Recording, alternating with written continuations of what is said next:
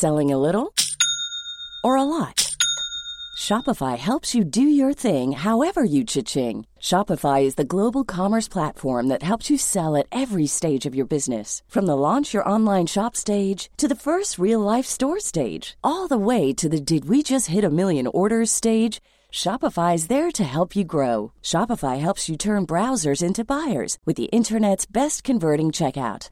36% better on average compared to other leading commerce platforms because businesses that grow grow with Shopify. Get a $1 per month trial period at shopify.com/work. shopify.com/work. Ever catch yourself eating the same flavorless dinner three days in a row? Dreaming of something better? Well, HelloFresh is your guilt-free dream come true, baby. It's me, Kiki Palmer.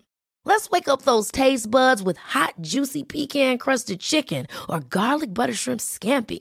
Mm. Hello Fresh. Stop dreaming of all the delicious possibilities and dig in at HelloFresh.com. Let's get this dinner party started.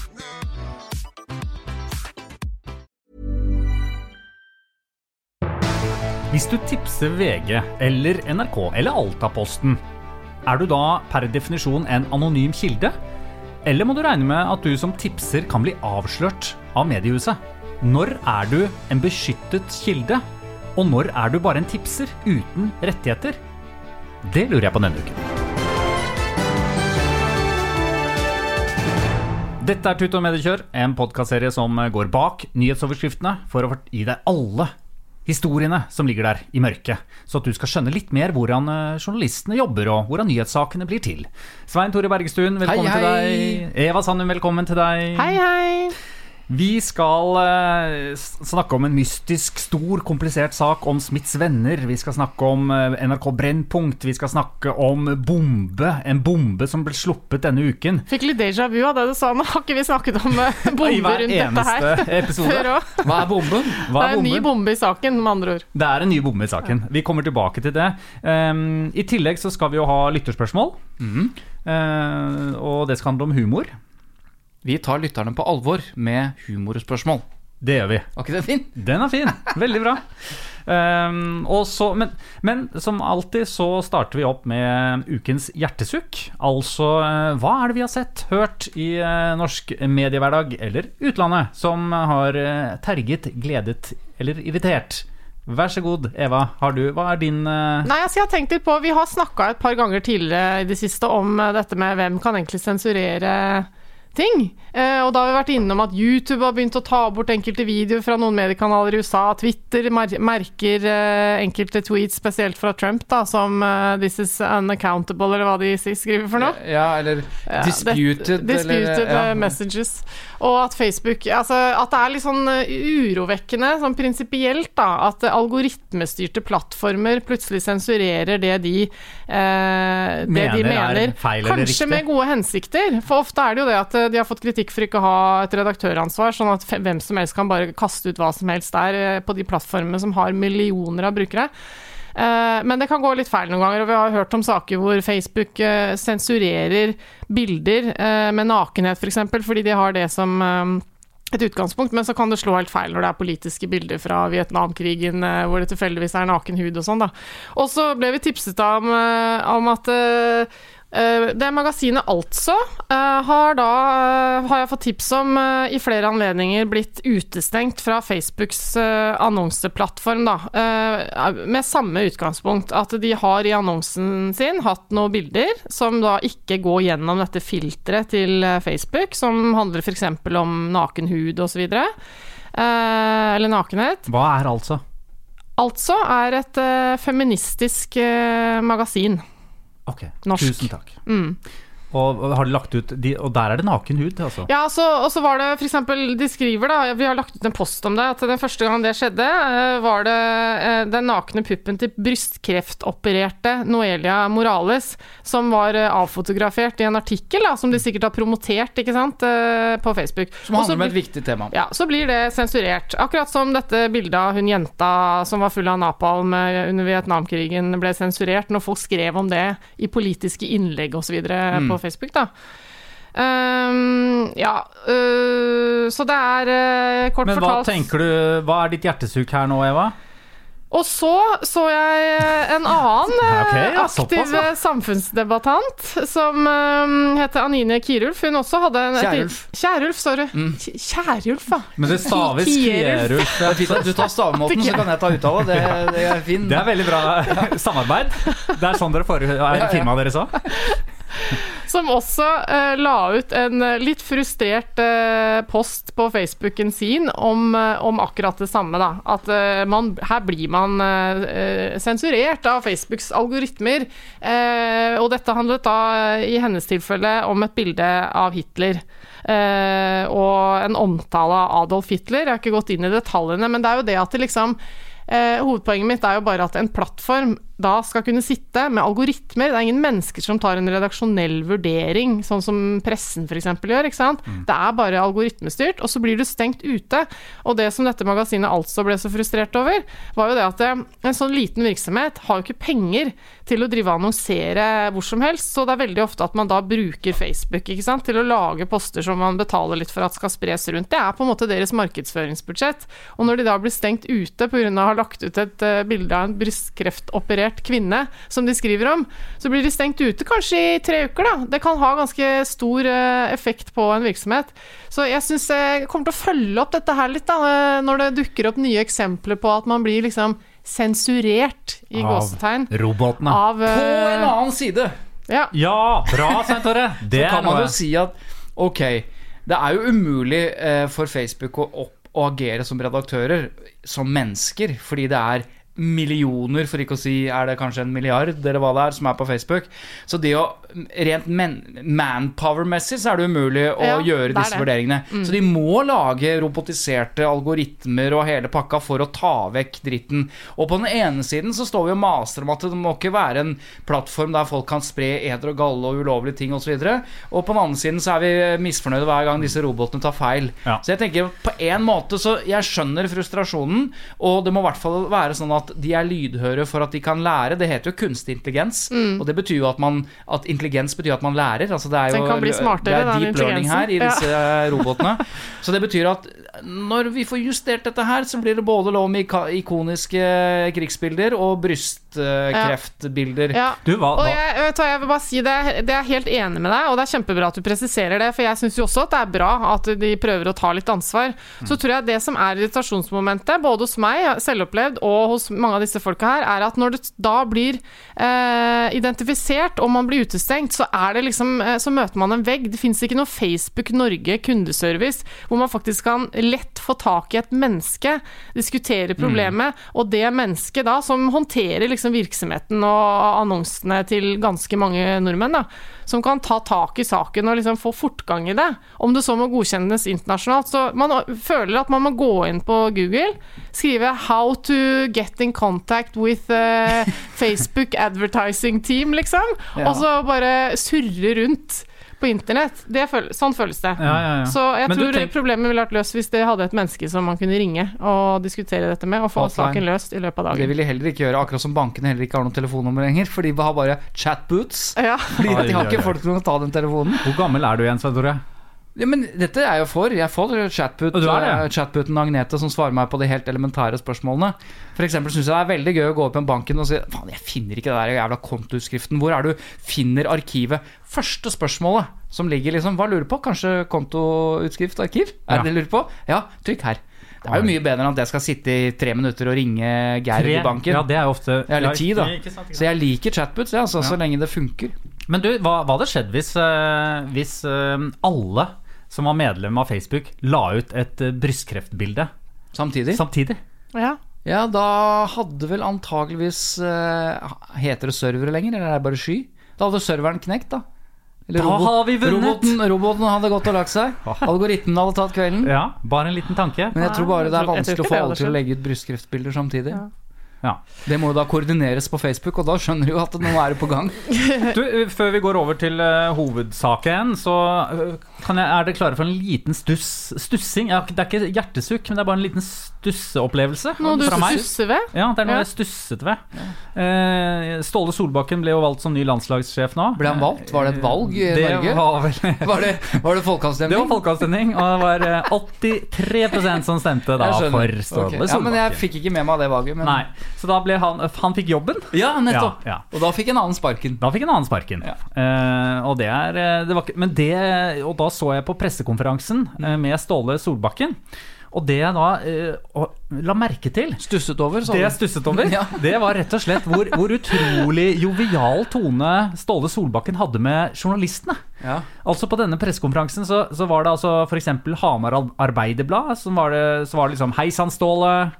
Eh, snakket med sønnen din, Markus. Eh, Ja. For han spiller jo i det området. Han bor jo i ja, altså Ståle Solbakken er jo fra det området. Ja. Det er hans lokalavis, da. Ja, ikke sant? Og så Ja. var det fra Dagsavisen 'Hei, Ståle', og da svarer Ståle, Ståle med en gang sånn 'Hei, Reidar'. Ja, Reidar Solberg, Minde Solberg. Reidar, Reidar Solli. Ja, Solli er det, ja, Ja, selvfølgelig. Ja, ja. Men, men altså, jeg bare Denne her jovialiteten Ja. mellom journalist og faktisk Ståle Ja. Solbakken, da. Ja. øh, Er ikke det, det føles jo på en måte veldig koselig, men samtidig føles det også litt uh, rart.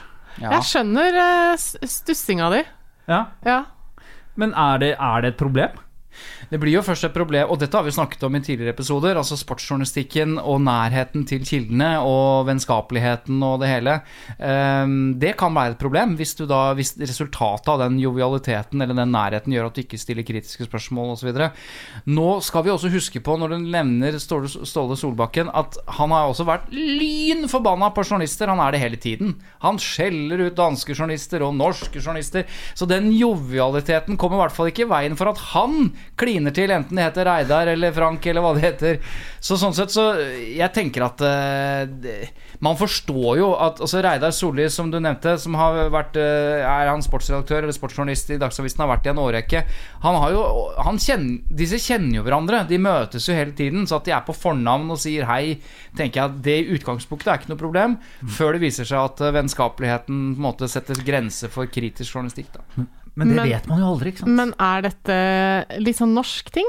Altså, Vi må huske på at vi kaller våre statsministre ved fornavn. da. Vi sier Erna og Jens og ikke sant. Vi er veldig sånn på fornavnet. Det er Jonas du tenker på nå, for Jens han er Nato-sjef. Ja da, men han har på- jo vært stats... Vi har jo omtalt Jens Stoltenberg sånn, ja. som Jens, Og Gro. liksom. Ja. Og Gro. og- Ja. Så det er jo kanskje en litt sånn kulturell ting òg. Det, det som du Det ville jo aldri forekommet i en del andre land, kanskje spesielt i Sør-Europa, tror jeg. Det er mye mer formelle Ja, og det har noe med avstand å gjøre også. Å- Det er en større avstand mellom folk eh, og makt. Og det, Det er kommer vi jo litt tilbake til i spørsmål, Det er sant, det er lytterspørsmål.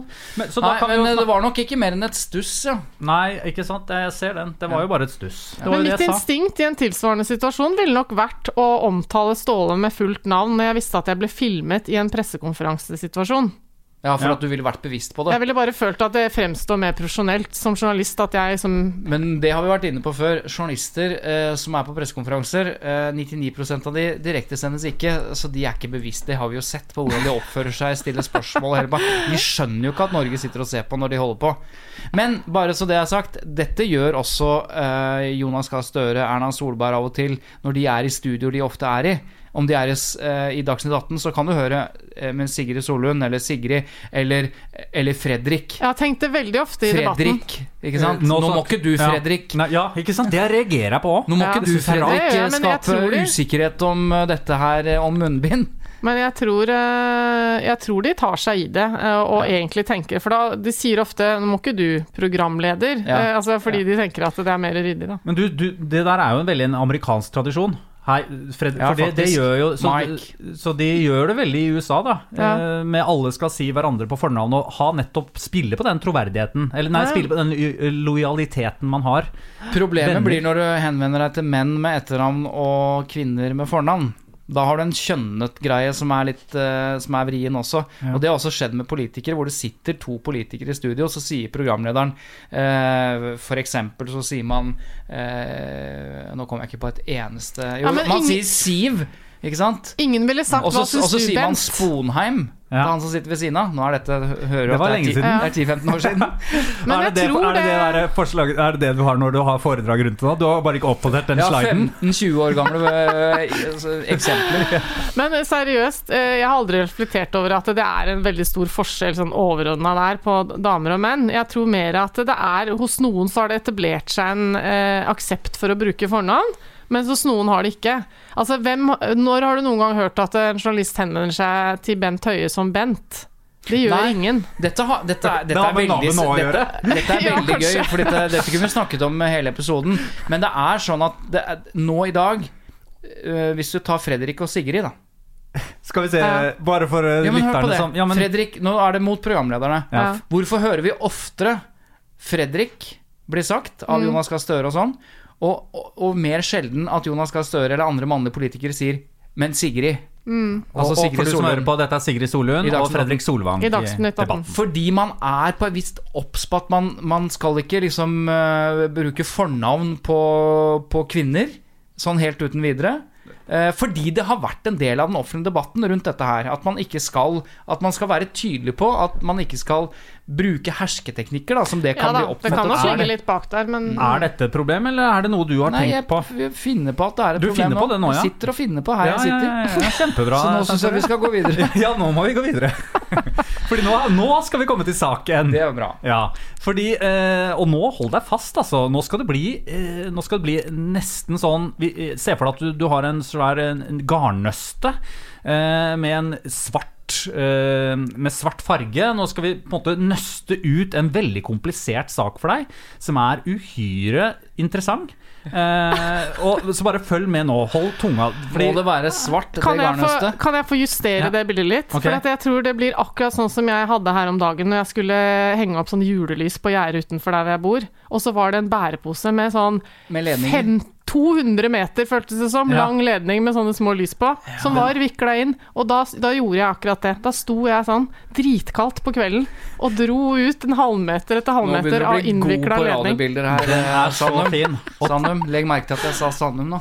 Og hver gang du får ut en halvmeter, så kommer det ei lita pære med noe interessant uh, Som lyser opp. Ja, som er noe nytt i saken. Og hver pære i uh, denne saken nå, det er liksom En pære er Smiths venner, en annen pære er NRK Brennpunkt, en annen pære er First House, og eh, tredje og stikkontakten er den store spørsmålet, og, og det det handler om, hvem som har hjulpet hvem med hva. Men aller først, før vi går mer konkret inn i denne lyse... lyse Lyslenka. Lyslenka. Eh, så må vi bare ha noen sånn generell forklaring. For jeg, det er mange ting i denne saken som jeg, vi må rydde på plass før vi, eh, før vi tar saken. Og det er rett og slett Kan vi bare repetere hva er et kildevern, og hva er tipsing? Du, hva er et kildevern, Eva?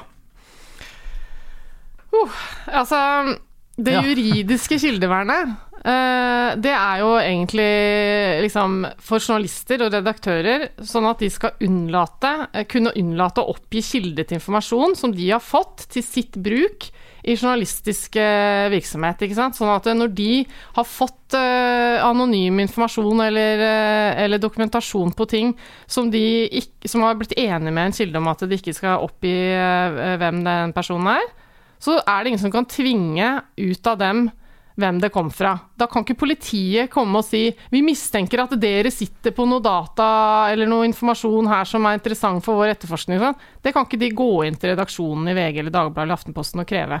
Kildevernet er et det- grunnleggende prinsipp i et fritt samfunn. Ja, sant? ok. Og så har du tipsing. Jeg, jeg, jeg lurer på um, Jeg var ganske sikker på at det var det samme, men, hva, men i denne saken er jeg blitt usikker. Så hva er tipsing? Ja, altså, det står jo eh, I Vær varsom-plakaten så står det ingenting om tipsing. Nei. Men det står noe om hvordan man får informasjon. Ikke sant? Man har, hvem man får informasjon fra. Og mens kildevernet er et slags absolutt Vi har snakket om det i Josimar-saken, hvor viktig kildevernet er å ivareta det. At man ikke skal blåse sine egne kilder når man har gjort en avtale om at du er vernet av kildevernet. Ikke sant? Eh, og det er viktig å understreke at kildevern er ikke noe som oppstår eh, helt automatisk. Det må man være enig om. Ikke sant? Det en, man gjør en avtale om at du er kilden i denne saken, og, og, og jeg skjønner at ikke du kan stå fram med dette, så vi gjør en avtale om det. Det er en avtale. Ja. Men kan jeg bare få skyte inn at for pressen så er det et utgangspunkt at når de får informasjon, så skal de tilstrebe å ha en åpen kilde når de publiserer informasjon. Så det å inngå en avtale om kildevern er ikke noe de bare gjør til høyre og venstre. Det skal Absolutt være en begrunnelse for å bli enige om at nå ringer du meg med ganske sånn kontroversiell informasjon. Det er anklager om en voldtekt, eller det er anklager om underslag, kriminell virksomhet, alt mulig rart. Eh, dette bør vi helst ha en som, eh, som står frem med. Eh, Men vi forstår at du ikke kan det, fordi at du risikerer å miste jobben eller masse forskjellige grunner. Det kan være en typisk varslersak, f.eks. Ja. eksempel. Ja, Og da kan man si greit, vi vi inngår nå et kildevern. Vi har fått informasjonen fra deg. Vi publiserer dette og skriver at dette har vi fra en anonym kilde. Og da kan ingen, ingen, ingen, ingen komme etterpå og kreve at vi skal si hvem du er. Nei, ikke sant. Men da, da når jeg da ringer til eh, tipstelefonen til VG Ja. Ja, eh, Det blir en litt annen sak, Ja, men hva ifølge er mange. annerledes? Jo, ok, la oss prøve å øh, definere det, for da må vi begynne å snakke litt om sedvane. Altså, hva, Hva er det sedvanlig? altså, hva er vanlig? Ja, Hva er, hva, ja, men jeg, hva er det som på en måte er praksis i norsk presse? Ja. Og da tror jeg alle kan være enige om en, noen grunnleggende ting. Og det er at hvis du tipser en redaksjon, så, er, så får du tips fordi eh, at tipseren regner med at den informasjonen i utgangspunktet er fortrolig. Altså jeg kom med et tips. I hvert fall så regner jo ikke tipseren med at det, det som kan skje, er at når jeg tipser VG om noe informasjon, så, så blåser de navnet mitt, på en måte. Hvem som har kommet med det tipset. Det, det, det, er, det er noe som man uh, forstår uh, ut fra liksom, sammenhengen. Det er sedvane, og det er praksis i norsk presse. Og så kommer jo det som kan bli litt vanskelig eh, inn, og det er hva er forskjellen på en tipser og en kilde? For en tipser kan jo potensielt være en kilde. Altså, du må bare tenke på at eh, du kan eh, stå utenfor et lokale hvor du ser masse lys og sånn, eh, mistenker noe kriminell virksomhet, for dette her er tydeligvis et lager Altså et eller annet. Du ringer redaksjonen i en avis og sier jeg vil bare tipse dere om at det foregår noe, noe ulumskheter her. Da er du bare en tipser. Du har ikke noe interesse, egentlig. produksjon av falske julelenker. Du har bare, mens, mens hvis du ringer med liksom 'jeg har informasjon om at det er gjort underslag i regnskapet til bla, bla, bla', da er det jo plutselig en kilde til informasjon. Ja, jeg og det vil folk ikke- kanskje liksom føle at er litt annerledes, da. Så vi må bare Jeg vet ikke om jeg vil være helt enig i den grensedragningen. fordi at Man kan fort snakke om en kilde til informasjon med en gang den informasjonen kommer. Og så, så er jeg enig med deg at i det øyeblikket man på en måte går inn i en samtale med den kilden da er det en kilde til informasjon, og da tror jeg ikke vi skal si at den ene er tipser og den andre er kilde. Nei, Men nei, her jeg er er- enig i at det ikke nødvendigvis trenger å gjøres noe prinsipielt skille, men jeg bare, det, er litt, det er litt ulike bilder i hodet okay. man får av de to ordene. Men, jeg, hvis, jeg skal, få hvis jeg skal betrygge deg som tipser, da, på en måte, Jo, så er det for det første, som jeg sa i stad, det er vanlig eh, i norsk presse at tipsere er i utgangspunktet tipsere anonyme og kilder til informasjon som man ikke eh, forteller eh, liksom, Man forteller ikke i artikkelen hvem som kom med denne informasjonen, som en slags sånn Hvis vi skal si det er en hovedregel, da. Og i Men- tillegg, bare skyte inn da, at eh, historisk sett så har det jo vært fullt mulig å også bare ringe inn et anonymt tips. Det går jo ikke an lenger, for alle er jo, har Nei, jo liksom sant. data eh, forbundet Når du ringer fra mobilen, så kommer du til et sted hvor det nummeret kommer opp. Men før så kunne man på en måte gå inn i en telefonkiosk Og ringe og ringe anonymt. Mm. anonymt, og så var du ferdig med det. Ikke sant? Det går jo ikke lenger. Men, men la oss si at uh, tipset ditt er såpass interessant da, på så mange mulige måter at uh, både at det er du som kommer med tipset, for kanskje sitter du da eh, i en posisjon som gjør deg, gir deg den muligheten å komme med det. Kanskje du tipser for å skade andre, for å plante en eller annen historie. Det kan være mange vurderinger. Men uansett, hvis, med, hvis journalisten tenker at her er det interessant for det første å overtale tipseren til å stå fram, for det er jo grunnregelen, ikke sant? at man skal ha åpne kilder. Men kanskje det er interessant også å faktisk at det har offentlig interesse hvem som tipser. Da er det en annen punkt i Vær varsom-plakaten som er kjempeviktig, og det er punkt 3.3. Okay. Og det handler om å gjøre premissene klare, både for intervjusituasjonen og ellers overfor kilder. Eh, Og det betyr at eh, å gjøre premissene klare Hvis jeg har lyst til som journalist å, å si at jeg vil faktisk skrive om det, at det er du som tipser, for det er veldig spesielt, statsminister, at du ringer hit og, og tipser meg om dette her, så, det må, så må premisset i det være klart. Altså jeg kan, da, jeg kan ikke da si ja fint, kom med all denne informasjonen. Ingen premisser blir klarlagt. Du, bare, du vil bare ha informasjonen. Og så helt til slutt så sier du takk for den informasjonen. Jeg tror jeg kommer til å skrive en sak om at du kom med den informasjonen.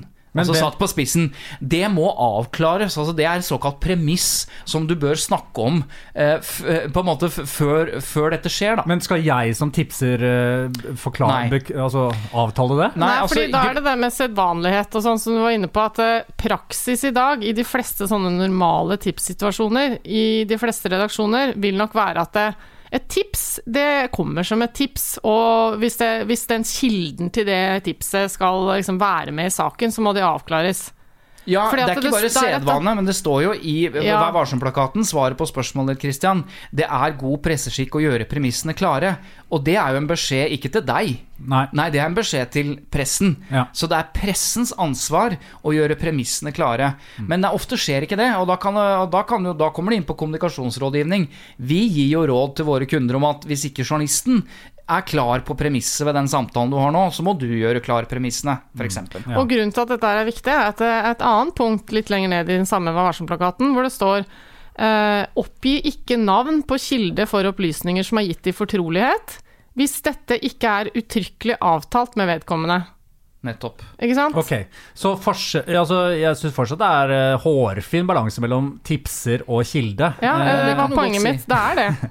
Så fordi at, eh, og- men sånn som jeg oppfatter det, kanskje det er litt uh, Litt mindre forpliktende hvis du bare altså, Hvis du bare ringer inn som tipser, så har ikke jeg som tipser helt egentlig Jeg tenker at det ikke er så farlig å sette premissene, og- det gjør kanskje ikke journalisten heller. Nei, og da må man støtte sånn- seg til sedvane og praksis. Ja. Og, og det betyr at du kan ikke ringe som tipser og, og, og, automatisk tro at kildevernet slår inn. Altså Nei. kildevernet som vi snakket om, det juridiske kildevernet. Det men, men praksis er jo at de aller fleste som tipser redaksjoner, vil gå ut ifra at dette er opplysninger som gis i en eller annen form for fortro fortrolighet. Ja. Og derfor er punktet som Eva sier, eh, altså punkt 3.5, oppgi ikke navn på kilde for opplysninger som er gitt i fortrolighet.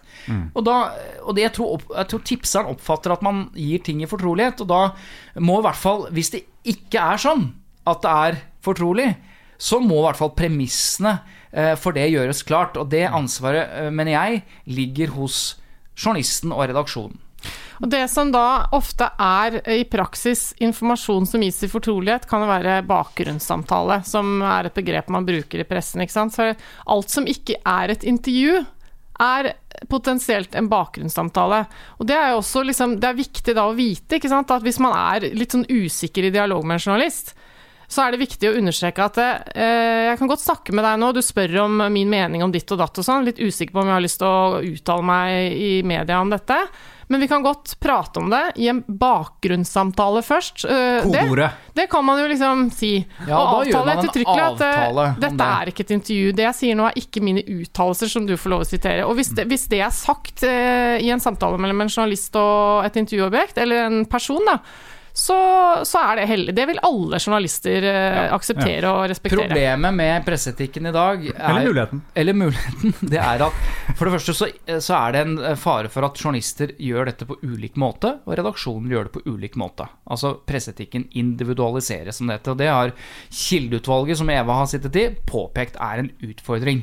Og da er spørsmålet Når en journalist ringer deg Altså, Du ringer ikke inn som tipser, og da forstår man at det er en viss fortrolighet i det. I hvert fall må man snakke om det. Men hvis journalisten ringer deg, og ikke gjør premissene klare for intervjuet, som ofte skjer, de bare begynner å stille deg spørsmål, så vil journalisten forsvare seg med at 'jeg presenterte meg som journalist', 'jeg har noen spørsmål'. Og da tar journalisten utgangspunkt i at han har gjort premissene klare allerede ved det faktum at man er en journalist som stiller spørsmål. Men det kan jo hende at den som tar telefonen, tenker at ja, jeg svarer gjerne på noe, jeg er ikke interessert i å gjøre et intervju, altså, men jeg, jeg, jeg kan gjerne oppklare et par ting for deg. Og da er vi i en situasjon hvor premissene for samtalen eller intervjuet burde vært klarlagt. Så det gjelder uansett om du ringer eller om journalisten ringer, så skal premissene for det som skjer, avklares. Og hvorfor, eh, og, og du som hører på nå, nå kommer vi straks til eh, hovedsaken, men eh, før det, altså hvorfor er det så viktig når det gjelder denne saken å prøve å skille mellom kilde og tipsing? Mm. Hvorfor er dette så viktig sak? Jo, for i den saken vi nå skal omtale, så, så mener han som er kilde til opplysninger, at han er en tipser. Ikke sant? Ja, at han tipser om opplysninger på vegne av noen. Ja. øh, Og dermed så mener han at det er presseetisk sedvane, eller vanlig, og, at det er, og, og dermed også et presseetisk overtramp, hvis da han som tipser blir omtalt som tipser ved navn og stilling og alt det der, uten at det er avklart og avtalt og gjort rede for på forhånd. Og du skal høre nå Og det, var, ja. ja, og det var derfor jeg liksom prøvde å gjøre denne lille forskjellen mellom tipser og kilder, sånn at man kan bare tenke over det på egen hånd når man hører på. For at, eh, de fleste kilder har jo en egeninteresse. Ikke sant? I det man eh, prøver å liksom, presentere for en journalist. Det er jo som regel en egeninteresse i hvorfor vil jeg at det skal bli en sak om dette. Ja. Mens det er ikke alltid det. Eh, I, I sånn tradisjonell tipseforstand, da, altså VGs 1000-tips. Du kan jo finne på å være vitne til en trafikkulykke, og så bare er det instinktet ditt at du ringer og sier 'Jeg har akkurat sett det, det burde dere sikkert dekke', eller 'Det brenner på Grünerløkka'. Jeg ringer Da- til VG. Og da må Eva jeg, Sandum i brann. Ja. da, da må jeg nesten, eh, for å skape enda mer troverdighet til det vi snakker om nå, opplyse om at jeg har sittet på tipstelefonen. Altså jeg har sittet, Den første journalistiske jobben Åh. jeg gjorde som 20-åring, var å sitte på TV2s tipstelefon. Da ringte man 55 90 80 80 Faen, det er Nei, flaut. ja. Men samme det, den eksisterer sikkert ikke lenger. Men jeg satt og tok imot tipser Tipser, tips fra tipsere om trafikkulykker, branner og det hele tatt. Den type ting. Og Men da, du, kan man, nå da har jeg har jeg et spørsmål som jeg har lurt på hele livet. Ja. Eh, fordi før het det jo Tusentipset. Mm. Jeg vet ikke om de gjør det lenger. Men eh, var det sånn da, når du hadde den jobben, Mm. at du i hver samtale, samtale måtte avklare om tipset fortjente honorering? Ja, tips Da var premisset at, et, at vi honorerer de beste tipsene, som det heter. Ja. Og da hadde vi en skala på det. Altså tips som førte til en, eh, en kommentar fra studio, altså bare bilder med kommentar fra Ja. Mm. studio, var verdt så og så mye, hvis jeg ikke husker feil. Hvis det førte til en VB, altså videobånd, det er derfor det, det er en sak Et et, innslag. Et innslag. Ja, da var det høyere. Mm. Og så kunne det gå helt opp til, jeg tror det var 10 000 Statsministeren går av. 10 000 kroner, ja. Ja. Og dette var jo tipsere eh, Ofte så var det jo tipsere som var, eh, ikke hadde jobb. Som satt hjemme med politiradio og var kjappest til Mm. Ja, å ja, ja. tipse. Eh, så, eh, og jeg, jeg må nesten bare fortelle en historie. Vi hadde en tipser som var så god, og som var så bra, og så pålitelig og så lojal, at jeg syns han fortjente en premie. Så jeg, eh, som tipsvakt, eh, tipssjef, så arrangerte jeg at han kom over fra Østlandet og fikk besøke TV 2 og møte nyhetsoppleser og sånn, Mm. fordi han var liksom månens tipser. Syns det var kjempestas. Ja, det er viktig å få tilgang til informasjon. Det er nettopp det! Ja. Og her er vi inne på det som er viktig. At hvis vi kludrer til dette med tips og anonymitet og kilder osv., så, videre, så kan det føre til at tipsene og informasjonen mot redaksjonene tørker inn. Ja, men du gjør det. Det kan være ikke sant? Ja, ja, At det blir det skummelt å tipse, ikke sant? Ja. Men la meg bare, selv om vi ikke skal gå inn i den debatten, grunnen til at jeg spør om det med betaling, er jo at eh, i andre skalaen, da, så kan det jo medføre veldig mye eh, uetiske tips hvis man honorerer for høyt. Mm. Ikke sant? For Se og Hør har jo tidligere operert med at eh, tips som ender med forsidesak, er 10 000 kroner, f.eks. Og det, da motiverer du jo folk til å drive og holdt på å si, tyste på ting. Innenfor liksom den tabloide Se og Hør-sfæren. Men det har man jo også godt tatt inn i Vær varsom-plakaten. At det er uforenlig med god presseskikk å ha betalingsordninger som er egnet til å friste mennesker til å uberettiget trå innenfor andres privatsfære, f.eks. Og det kan vi godt ha en egen episode om en annen gang, for den Vis ikke alltid moderasjon alle. ved honorering av nyhetstips, står det til og med. Ja. Men du, bare Apropos Ja. Vær varsom-plakaten. Altså, hvorfor står det ikke noe om tipsing der? Det det står står noe om tipsing, men det står ikke noe om anonymiteten knyttet til tipsere. Fordi Nei. Nettopp fordi da må man jo definere hva en tipser er. Og det har vi jo allerede diskutert at det kan være litt vanskelig. Ja, det- Men det står at man ikke skal oppgi, eh, oppgi mm, eh, kilde, navn på kilde for opplysninger som er gitt i fortrolighet. Altså, Ja. Ordet kilde brukes mange ganger i Værsom-plakaten, men ikke ordet tipsere. Nei. Det, tips blir brukt. Det høres ut som et skjellsord. Ha, du tipser! Tyster, mener du nå? Ja, tyster var det. Ok. Dere, okay. Da går vi inn på hovedsaken. eh, og det er, handler rett og slett om eh, NRK Brennpunkt. De, eh, og nå tar jeg deg med tilbake i tid. Altså jeg tar deg med sånn ca. to uker tilbake i tid. Da jobber NRK Brennpunkt med en kritisk dokumentar om Smiths venner. Eller Brunstad Christian Church, som de kaller seg i dag. Før dette programmet blir publisert, så kontakter Hans Christian Vadseth fra PR-byrået First House nettavisen medier24.no. Og Vadseth han har kort, litt rødlig hår, og så sier han eh, at han har informasjon om kildene som NRK Brennpunkt bruker. Og denne informasjonen setter kildene til NRK i et dårlig lys. Og så forteller Vadseth at hans oppdragsgiver i denne saken er Smiths venner. Oppdraget til Vadseth er altså å få Medie24 til å lage journalistikk mot NRK Brennpunkts arbeid. Medie24 de skriver da om denne saken, men i tillegg så skriver de også om First House sin rolle i dette. Og Vadseth, altså han med det rødlige håret fra First House, vil ikke bli intervjuet, og vil heller ikke at hans navn skal linkes til denne saken. Fordi han mener at han har tipset medie24.no om saken på vegne av Smiths venner, og dermed har han krav på anonymitet. Kjør debatt! Wow, det var Ja. litt av en uh, fremleggelse. Tusen takk. Ja. Tusen takk. Kan jeg få lov å si noe nå? Uh, jeg uh, tror at du skal få lov å snakke om denne saken med Svein Tore hovedsakelig alene. Fordi at jeg har hatt et arbeidsforhold til nettopp Medie24. Ok, Er det noe du vil utdype det Ja, arbeidsforholdet? det, er, altså, det er veldig ukomplisert, i form av at eh, jeg har jobbet med strategi og konsept og litt sånn rådgivning i forbindelse med at Medie24 også har en annen publikasjon nå som heter Kom24. Så det, der har jeg vært involvert i litt arbeid. Du er godt Ja. gammeldags inhabil. Inhabil. Å, vi burde hatt en Eh, inhabil-klokke for å understreke, jeg har hatt ikke noen ting med denne saken å gjøre, men jeg opplever allikevel at eh, det blir litt uh, Eva, uryddig. ut i inhabilitetskroken! Skammekrok. Jeg går og henter meg en kaffe, jeg. Ja, gjør det. Lykke Gjør til, da, dere. Okay, takk, takk, takk. Ok. Åh, der er Eva borte. Ja, ja, ja. Svein Tore, Ja, det hvordan går det ellers, da? det var Får for du så- syklet noe i det siste? Jo, jeg syns Nei, det gjør Nei. jeg faktisk ikke. Ah, Men ehm, ok, la oss gå rett til kjernen av dette her. Nå har vi hatt en lang innledning der vi har prøvd å definere liksom prinsipielt hva som er forskjellen på tipser og kilder og Vær varsom-plakaten osv. Men vi trenger ikke å gjøre dette her aleine. Jeg ringte til Gunnar Bodal Johansen for å vurdere akkurat denne saken. Og da har jo han bare den informasjonen han har fra lest saken i Medie24, der, eh, der Hans Christian Valseth mener rett og slett, han skriver det i den, eller han har jo en kommentar på halen av denne saken, selv om han ikke ville la seg intervjue, så mener han at, at de bryter både eh, presseetisk praksis og presseetikken eh, når de velger å blåse han da som eh, tipser til denne saken. Og, og hvem er Bodal Johansen? Jo, og Gunnar Bodal Johansen han er tidligere sekretær for Pressens faglige utvalg, eh, og han har i veldig mange år uttalt seg om presseetiske saker. Han har undervist i dette her, og er knyttet til Institutt for journalistikk og, og sånn, så han er en, en fyr som, eh, som mange ringer til av mediene også når du skal, eh, skal ha presseetiske diskusjoner. Så det store spørsmålet her i saken er jo Har en tipser krav på anonym, anonymitet? Ja, det er ett av spørsmålene i saken, men jeg eh, spurte først Gunnar Bodal Johansen hvilke tanker han gjør seg om, at Medie24 valgte nettopp å skrive om eh, hvem som kom med informasjonen.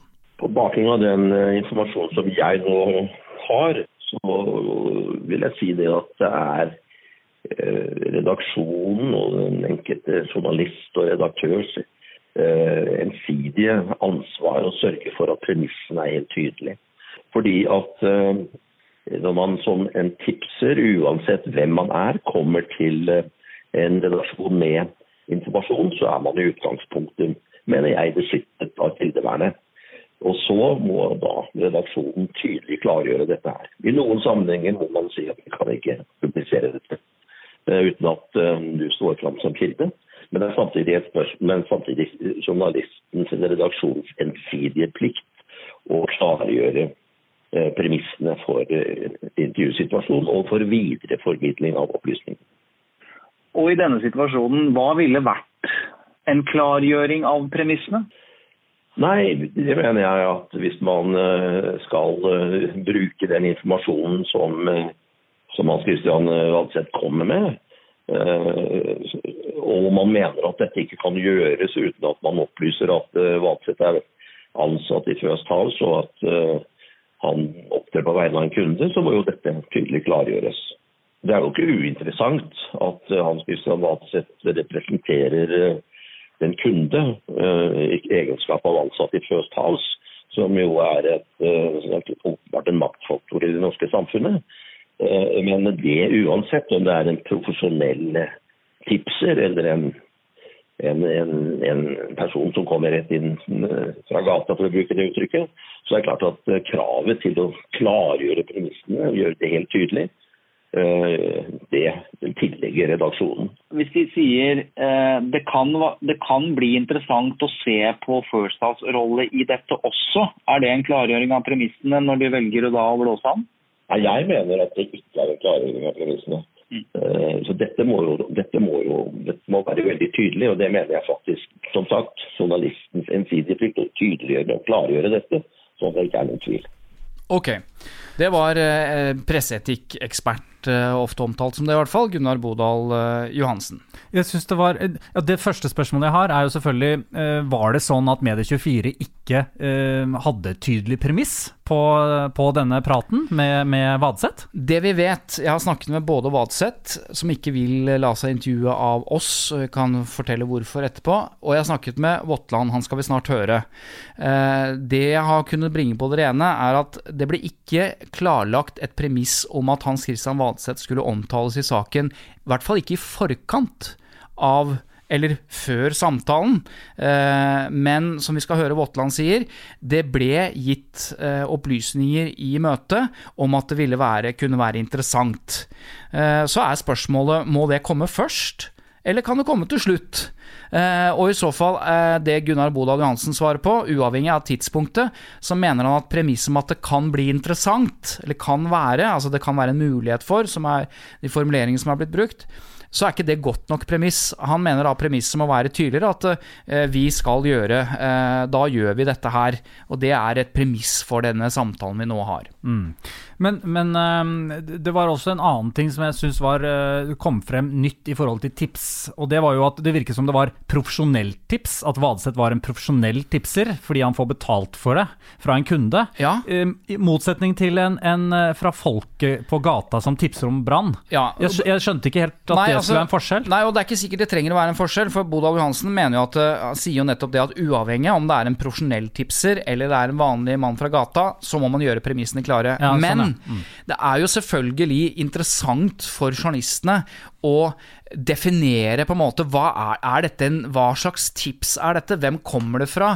Og det er klart at det er en viktig diskusjon eh, om det kommer fra en eh, profesjonell som meg og Eva eller Hans Christian Valseth, at vi får betalt for å jobbe for, en, for å få fram saken eller informasjonen til en kunde. Vi velger riktignok å gjøre det på en annen måte. Vi tropper ikke opp hos journalistene. Vi prøver å gjøre de i stand til å møte journalistene på, på egen hånd. Men, men poenget er at det er betalt oppdrag. Og da er spørsmålet er presseetikken, skal presseetikken være annerledes for profesjonelle eh, Kall det tipsere, eller, eller profesjonelle som kommer med informasjon, eller i forhold til eh, sammenlignet med, med, med ja, vanlige folk, da. Det er jo det er en viktig diskusjon. Spørsmålet er bare om det er om det, om det gjør noe forskjell på premissene. I praksis så gjør det jo det. For at eh, hvis journalister snakker med såkalte profesjonelle kilder, da, for å kalle det det, og ikke bare tipsere, så trenger ikke de å gjøre trenger ikke de å forklare eh, politikeren som de intervjuer for 1567. gang at 'jeg er journalist, eh, du er kilde, og dette er dine rettigheter', liksom. Men det de bør gjøre hver gang, det er å klargjøre er vi nå i en intervjusituasjon, eller er det en bakgrunnssamtale. Det trenger også profesjonelle å vite, f.eks. Men nå er jeg veldig interessert i å høre hva Medie24 eh, mener om saken.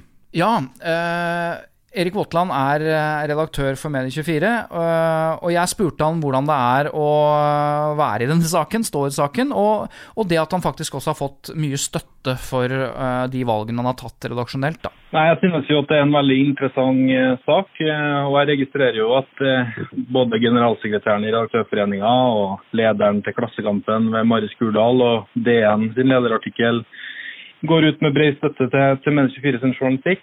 Eh, Jeg tenker jo at eh, det at både kommunikasjonsfolk og journalister er enige om at dette ikke er noe kildevernbrudd, det underbygger bare det grundige etiske arbeidet vi har gjort i forkant. Det står i Vær varsom-plakaten at man skal gjøre premissene klare i intervjuer, komma og ellers overfor kilder og kontakter. Det handler altså om premissene også for en bakgrunnssamtale, som også må gjøres klare. Jeg antar at vi er gjennom det. Når skal man gjøre de premissene klare? Altså, Du ser at det er flere som reagerer eh, Eller jeg ser jo at det er flere som har pekt på at eh, 3-3 kan være interessant i, Vær varsom-plakaten. Og det er klart at premisser skal være ryddige både mellom kilder og redaksjoner. Det kan jeg love at vi i Medie24 er særdeles opptatt av. Eh, og Derfor så klarer jeg til med eksplisitt overfor Vadsø at det kunne vært aktuelt for oss å også se nærmere på First House rolle i saken. og Det ble sagt i det møtet som vi har referert til i, i artiklene våre. Eh, og Det sa han tilbake, at det, eh, det, det forsto han, og kunne komme tilbake til det når det eventuelt var, var aktuelt. Men Eh, bør, man gjøre de premissene, bør man gjøre de premissene klare før eller etter man har gjennomført et sånt møte? Um, altså Det varierer fra sak til sak, men det er klart at når man velger å inngå eh, altså Hvis man sier 'jeg ønsker et møte med deg', men så sier man ikke hva man ønsker møte om, så er det jo vanskelig å på en måte si at dette er så aktuelt at vi ønsker å gjøre et intervju på det. Sånn at eh, Vi avventa og hadde møte med Vadseth og fikk eh, ja, skjønt at dette både er en interessant sak for oss å dekke journalistisk når det gjelder selve temaet han tar opp, og jeg innså også at det kan være aktuelt å intervjue han i forbindelse med, med det arbeidet han har gjort. Eh, og det ble gjort klart i den samtalen. Hvis du hadde gjort det premisset klart i starten, før samtalen, før eh, informasjonen ble gitt i det møtet, at eh, det kan være interessant å se på First House sin rolle i dette. Eh, hva tror du Valseth hadde gjort med, det møtet og informasjonen da, hvis du hadde gjort det premisset klart i forkant? Det er ganske åpenbart for både kommunikasjonsforeninger og for oss at når man som PR-mann med 30 års erfaring fra bransjen tar kontakt med en redaksjon for å komme med en pakke fra en betalt eh, oppdragsgiver, så kan det ligge også til grunn at mikrofonen kan bli snudd mot vedkommende. Det er noen ting vi som journalister må holde høyt, og det er at eh, vi må holde høyt det faktum at hva er saken?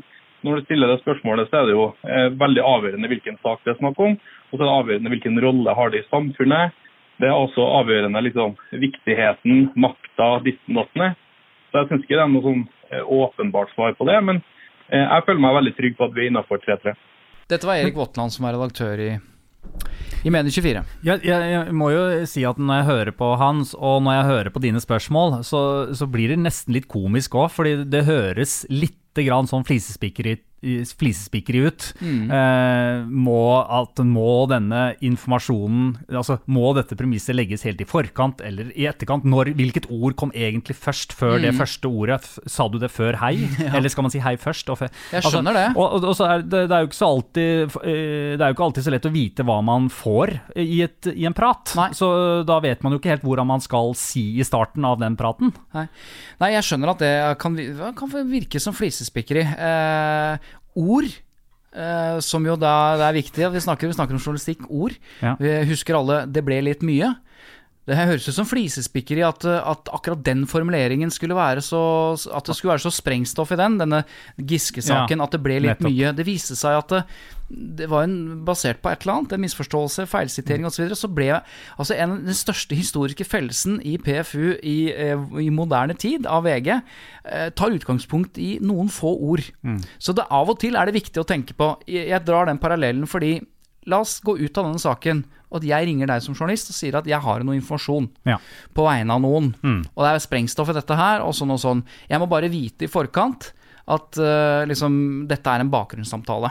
Ja, det, det bør jo jeg si, da, som journalist. Ja, egentlig bør Ja. du si det, men la oss si at jeg Ok, sier det, da. dette er bakgrunns... Det er bakgrunns... Så sier du, i forkant av det, all den informasjonen jeg skal gi «Nei, det, Jeg kan ikke love at dette bare er en bakgrunnssamtale. Det kan jo godt hende at eh, det at du faktisk kommer med denne informasjonen, Mm. kan bli interessant, og vi kan lage, ende opp med å lage journalistikk på at det er du som sitter her. Hva tror du jeg hadde gjort da? Det er Du det som hadde jo aldri kommet til meg. Nei, jeg hadde i hvert fall ikke gjennomført den samtalen. Nei. Fordi da var det premisset, ikke sant. Og derfor spør, stiller jeg spørsmålet uh, til Erik Våtland, hva han mener om det.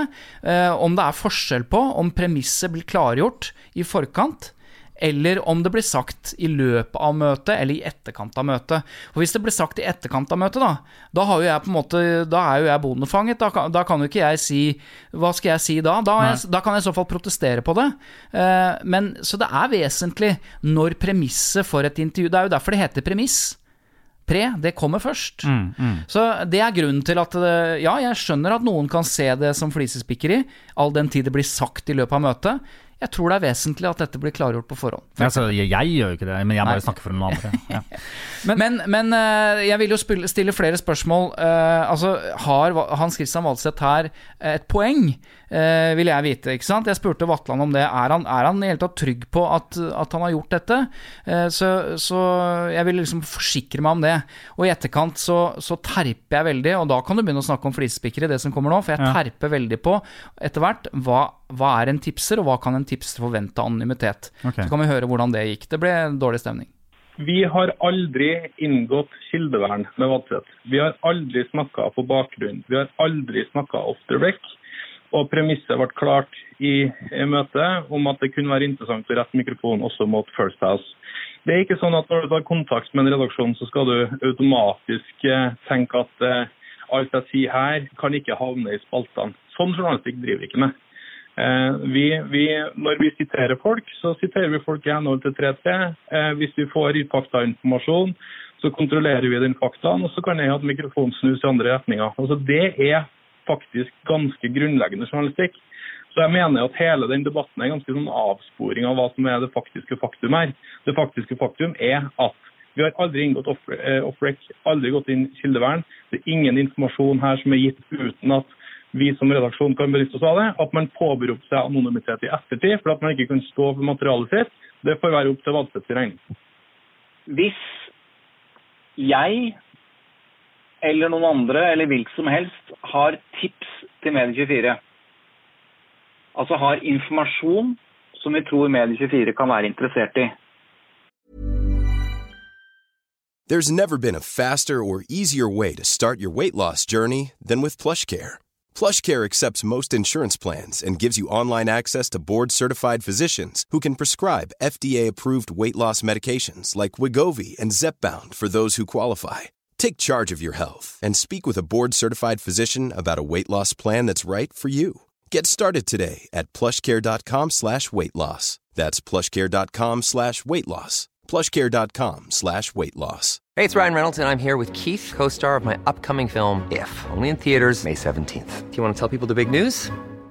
All right, I'll do it. Sign up now and you'll get unlimited for $15 a month in six months of Paramount Plus Essential Plan on us. Mintmobile.com slash switch. Upfront payment of $45 equivalent to $15 per month. Unlimited over 40 gigabytes per month. Face lower speeds. Videos at 480p. Active Mint customers by 531.24 get six months of Paramount Plus Essential Plan. Auto renews after six months. Offer ends May 31st, 2024. Separate Paramount Plus registration required. Terms and conditions apply if rated PG.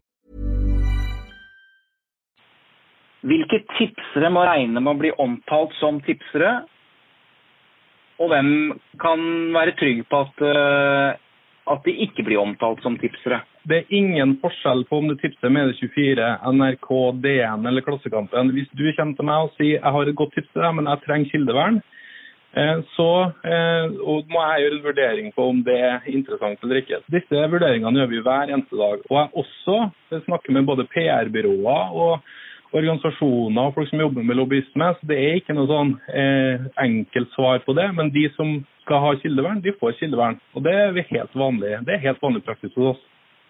Men du sa en veldig interessant ting nå. Eh, hvis hvem som helst tipser, uansett hvem som tipser, så lenge de ber om kildevern, sa du. Men er det sånn at eh, hvis jeg ringer da, som tipser, så må, jeg, så må jeg gjøre premissene klare for at jeg er anonym, før du kan ta imot tipset? Eh, dette er jo selvfølgelig noe vi diskuterer sammen eh, hele tida. Eh, og for å si sånn, jeg har gitt kildevern, eller kan du si off-the-rex-samtaler, kanskje to ganger i dag, kanskje tre ganger i går. Dette er jo dette er vurderinger vi gjør hele tida. Hvis Vadseth hadde sagt til meg at dette får du under forutsetning at jeg behandles anonymt, så har jeg måttet gjort en vurdering på det. Men det er en hypotetisk problemstilling som kanskje mange PR-rådgivere ville ha brukt i denne sammenhengen.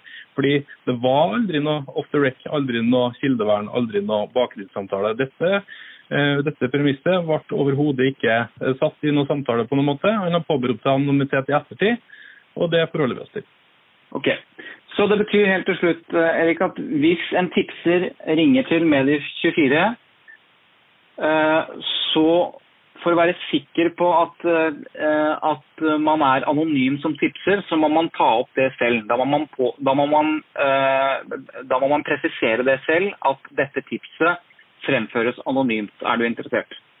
Det gjør vi vurderinger på hver eneste gang. Eh, Og det er ikke en kildes ansvar eller redaksjonens ansvar. til en. Altså Det er vårt ansvar som vi gjør sammen.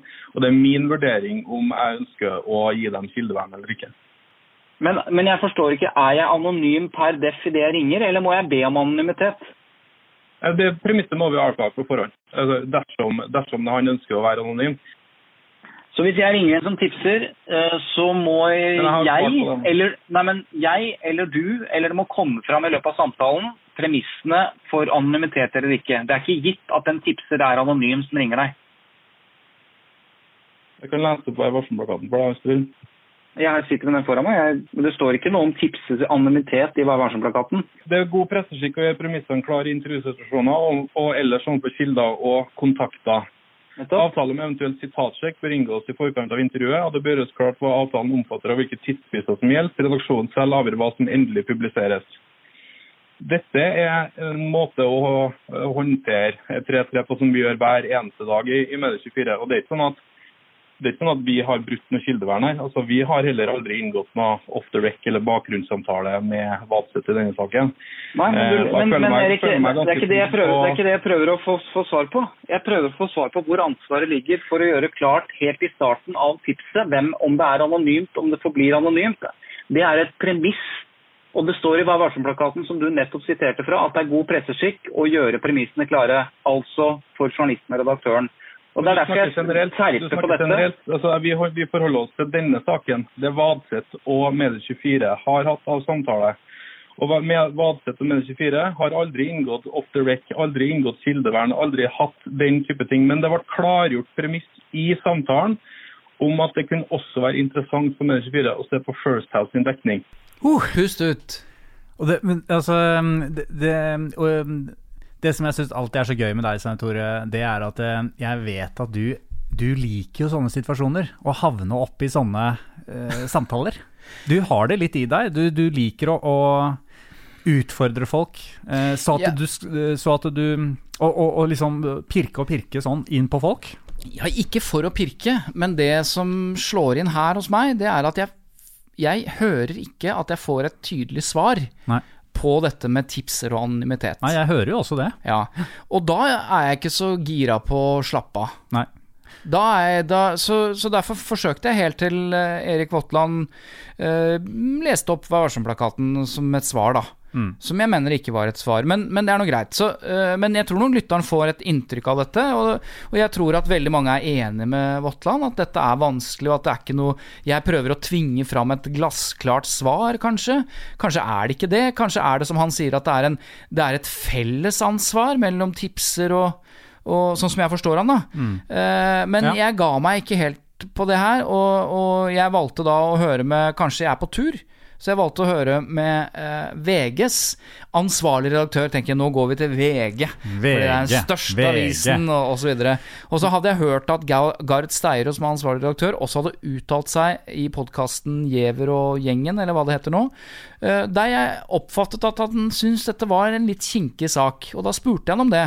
Hva er det som er kinkig med, med denne saken? og, sånn, og det det står om nå, er jo om, eh, om det er Medie24 som skal legge premisset, eller om eh, man skal gjøre det sammen om å legge premisset om at eh, man som tipser har anonymitet. Det er i hvert fall åpenbart sånn at Medie24 mener de har gjort premissene klare ved å i, lø i løpet av eller på slutten av samtalen si at det kan bli greit å, eller det kan bli aktuelt å skrive om deg, mens Hans Christian Valseth, eh, som jo var til stede i det møtet, mener noe helt annet. Og så vet ikke jeg, eller eh, Gard Steiro eller Gunnar Bolad Johansen, eh, hva som egentlig blir sagt og gjort. Så det, det, vi får jo bare høre det som blir sagt, da. Men, nå, kan vi, det- jo- men nå kan vi jo høre hva, hva Gard eh, mener er riktig, da. Jeg spurte Gard Steiro eh, om det var sånn at det var noe automatikk i at alle som tipser en redaksjon, f.eks. VGs redaksjon, at de er anonyme, eller om det er noen tipsere som må påregne at de blir identifisert eh, som tipsere. Nei, altså I utgangspunktet så mener jeg ringer du VG og, og, og, ringer du til VG med et tips, så utgangspunktet, hvis vi da skal oppgi at du har ringt oss vært, eh, og jeg tipser at det er du som står bak et tips, så må det være avtalt med deg. Da må vi gjøre det veldig klart eh, for deg, og det må du vite før du, eh, før du tipser. Og så det, det, kan det være situasjoner der folk forsøker å dumpe ting hos oss eller prøver å misbruke oss der det kan være relevant. Men i utgangspunktet så mener jeg at dette ligger liksom det er sedvanen mener jeg i norsk presse. Tar du kontakt med en journalist og sier jeg har et tips, hvis ikke annet er avtalt, så er det ikke sånn at du går ut med det navnet på den tipseren umiddelbart. Helt til slutt, det betyr jo i, i denne situasjonen, hvis det er riktig at det ikke ble gitt eh, noen premisser i forkant av alle opplysningene som ble gitt i møtet, altså i forkant, du brukte ordet at eh, før, altså en tipser må jo da vite før han gir tipset om hvorvidt han risikerer å bli, bli, eh, bli identifisert. Så det er et, og det ligger kanskje i ordet pre òg, premiss, at dette eh, må komme først. Forstår jeg deg riktig da? Ja, det, det mener jeg. Og jeg mener at ansvaret for at premissene er klare, det er helt tydelig. Det hviler på redaksjonen, ikke på eh, kilden. Ja, så det jeg tror vi har fått slått fast, både ved Gunnar Bodal Johansen og Gahr Steiro, og det vil jeg være enig i, eh, er det som Bodal Johansen omtaler som ensidig ansvar. Han, har, han bruker det ordet, for han har skrevet en uttalelse om akkurat dette i en annen sak. Altså ansvaret for å gjøre premissene klare ligger altså hos redaksjonen. Gjensidig, sa du jo nå. Det var ikke det E ensidig. Du sa ensidig, Ja, jeg, sa ikke sa- gjensidig. Nei, for det hadde jo endret hele saken igjen. Der kan du se hvor viktig ja, ord er. Ord, altså. Det er viktig. Ja, nei, så det er, det, det er helt klart. Så mener jo Våtland i denne saken at de har gjort premissene klare ved å, ved å si i, i løpet av møtet, eller på slutten av møtet, at eh, det kan bli aktuelt å gjøre journalistikk på dette. Men nå har vi snakket mye om Hans Christian Vadseth fra First House. Eh, han har jo, du har jo sagt at han ikke ville eh, snakke med oss. eh, Han ville snakke snakke med oss, men ikke la seg intervjue. Nei, ok, Så han har snakket med oss, og hva sier han? Eh, Han trenger vel et tilsvar her, ikke sant? Ja, altså i forhold til Erik eh, Vatland, så, Ja. eller Våtland, så, så, han, så skal han i hvert fall ha et, eh, en samtidig imøtegåelse, for det handler om eh, faktiske forhold. Mm. Eh, og da gir han følgende sitat til eh, oss. I motsetning til Våtland har jeg ikke noe behov for å forhåndsprosedere noe som trolig vil ende opp i PFU på et senere tidspunkt. Oi. Og det har han jo for så vidt allerede varslet, at han vil ta dette til eh, PFU. Vi vet ikke om det skjer, men hvis det skjer, så Det var har ikke sånn- han lyst til å snakke om denne saken eh, før den da kommer i PFU. Men, men da lurer jeg på, er det ikke da litt sånn i, i Eva? eh, Åssen er det? Kan jeg snart komme inn? Ja da, sett denne. Nå er vi snart ferdige her. Så nå går vi over i det prinsipielle. Eh, Kan vi ikke det, Christian? Nå er vi ferdig med, med Medie24-saken. Jo, eh, det, det jeg ville Ja, Det jeg ja. hadde spørsmål her nå, var jo på en måte dette med at eh, Bør ikke Vær varsom-plakaten bli litt mer spesifikk eh, akkurat på dette punktet? Det høres ut som det er litt ullent. Og dette er så bra. Artig at du spør om det. Ja, art- Er det det? Det er veldig artig at du spør om Nei, eh, vi kanskje skal foreslå, om vi skal foreslå noen endringer i Vær varsom-plakaten, tenker du på?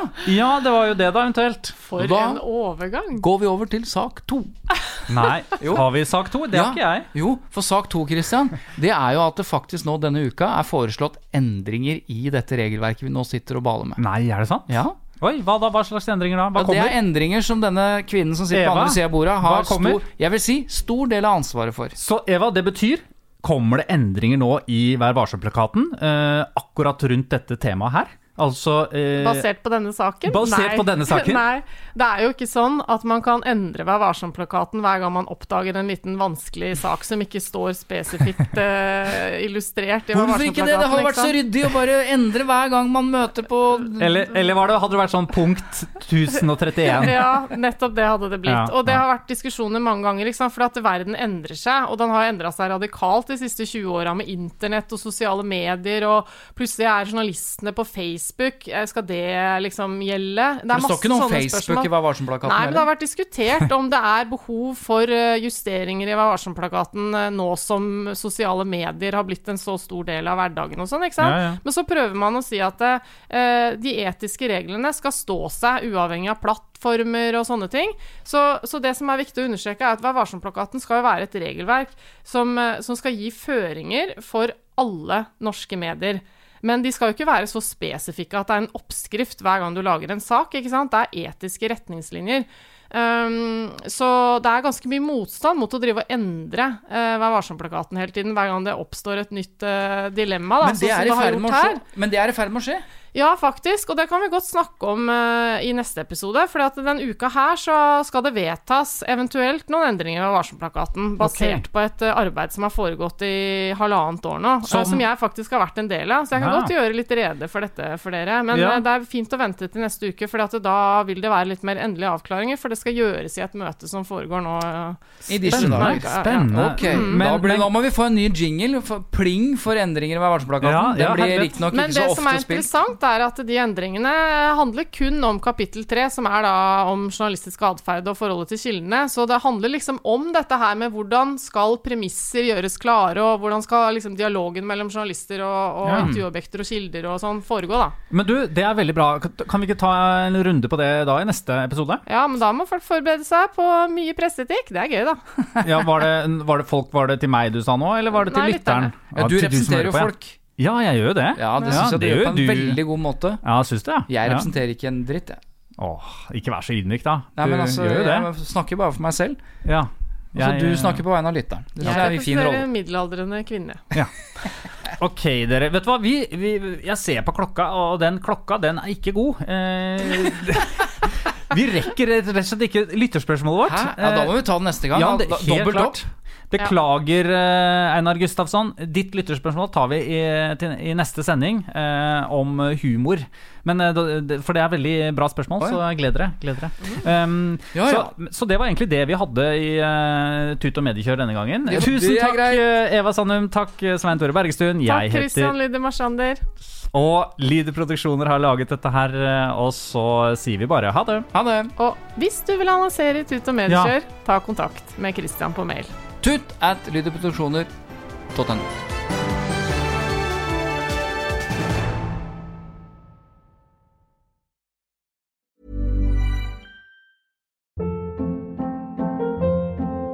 Hold up. What was that? Boring. No flavor. That was as bad as those leftovers you ate all week. Kiki Palmer here, and it's time to say hello to something fresh and guilt-free. Hello Fresh. Jazz up dinner with pecan-crusted chicken or garlic butter shrimp scampi. Now that's music to my mouth. Hello Fresh. Let's get this dinner party started. Discover all the delicious possibilities at hellofresh.com. When you drive a vehicle so reliable it's backed by a 10 year, 100,000 mile limited warranty, you stop thinking about what you can't do and start doing what you never thought possible. Visit your local Kia dealer today to see what you're capable of in a vehicle that inspires confidence around every corner.